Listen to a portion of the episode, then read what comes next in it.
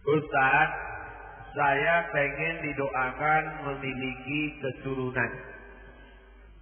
Rabbi la tazarni fardan wa anta khairul warithin. Saya ulang tiga kali. Rabbi, ya Tuhanku, la tazarni fardan. Jangan kau biarkan aku tak ada keturunan. Fardan, tak ada keturunan. Wa anta khairul warithin. Engkau sebaik-baik pemberi waris. Doa Nabi Zakaria lama tak punya anak, akhirnya dapat anak ya ya. Rabbi la tazarni fardan wa anta khairul warithin. Doa. Banyak-banyak baca doa. Berapa kali Pak Ustaz? Sebanyak-banyaknya. Jadi kalau mau dibaca 10 kali, 30 kali, 40 kali, 100 kali, baik. Solawat. Saya ketemu dengan bapak-bapak sudah nikah sekian belas tahun gak punya anak. Setelah umur 40 punya anak. Saya tanya, gimana ceritanya? Semua udah kami coba Pak Ustaz. Baik tabung, macam-macam. Dari yang 9 kilo sampai tak ada yang berhasil. Terus gimana terakhir? Yang buat berhasil ini terakhir setelah kami gak pakai-pakai apa pun. Cuman nazar saya bernazar kalau anak ini lahir nanti saya masukkan ke pesantren. Lahir. Sulit. Apa hubungan pesantren sama anak? Kalau orang bertauhid mudah saja. Innama amruhu idza arada syai'an ayakul lahu kun fayakun.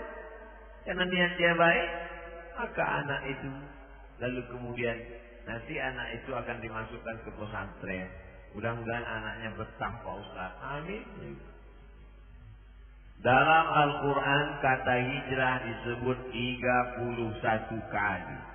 Saya pernah baca di surat Al-Muzammil 9310 saat itu Nabi Muhammad harus meninggalkan orang yang tidak beriman dengan cara baik tanpa melukai hati mereka. Apakah itu berlaku juga untuk saya apabila tempat saya bekerja mayoritas tidak beriman? Apakah saya harus berhenti bekerja? Semoga Pak Ustaz Muhammad semakin bertambah barokah ilmunya dan semakin nikmat beribadah kepada Allah. Amin. Amin. Amin. Ya Rabbal Ibu atau bapak yang nanya ini bekerja di tempat non muslim. Pertama saya mau jelaskan apa hukum kerja pada non muslim dulu. Ali bin Abi Thalib bekerja mengambil upah menimba air di tempat orang Yahudi di Madinah. Dilaporkan ke Nabi, "Ya Rasulullah, Ali ngambil upahnya menimba air di rumah Yahudi." Nabi tidak melarang, Nabi membenarkan. Sekarang saya tanya, berdasarkan hadis ini, bolehkah bekerja pada non muslim? Hebat jamaah Darussalam. Bisa jawab sendiri. Yang penting kasih aja dalilnya. Bekerja pada non muslim hukum asalnya boleh. Tapi nah, dikhawatirkan akan terpengaruh akidah, simbol-simbol pada hari-hari perayaan. Dikhawatirkan. Sementara ada dua kesempatan. Bekerja di sini gajinya ya agak-agak di bawah itu 5% lah. Maka selamatkan akidah muamalah. Tapi kita tidak dibenarkan memusuhi orang karena berbeda agama. Lakum dinukum waliyah. Jadi hukum asalnya tidak apa-apa. Nabi hijrah itu karena tidak bisa menerapkan ajaran Islam secara kafah di Makkah. Maka hijrah ke Madinah. Setelah dia kuat di Madinah tahun ke-8 dia balik lagi ke Makkah, mengislamkan kota Makkah. Maka tahun 8 itu disebut dengan Fathu Makkah, pembebasan kota Makkah. Ustaz yang dirahmati Allah, saya baru berhenti kerja karena dampak Covid. Dan ini saya membuka usaha kuliner brownies secara online. IG-nya Delia Deli. pesanlah kronis ke Instagram Belia Deni. Insya Allah halal dan berkah.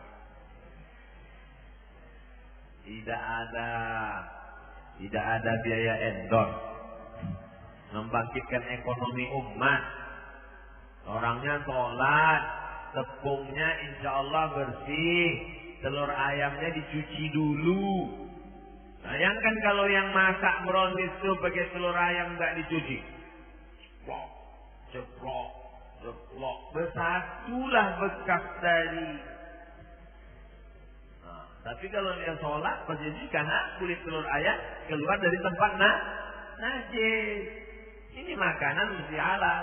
Dia sambil ngaduknya pakai solawat, pakai bismillah, halal dan berkah. Dapatkan segera. Celia Den. Dah, potong. Share. Satu, mohon doa dari usaha agar usaha kami mendapatkan berkah. Pagi, pas pagi-pagi mau buka usaha itu, baca Fatihah sekali. Kul Allah tiga kali. Kul ambil falak sekali. Nas sekali. Ayat kursi sekali. Fatihah sekali. Kul Allah tiga kali. Ambil falak sekali. Nas sekali. Ayat kursi sekali.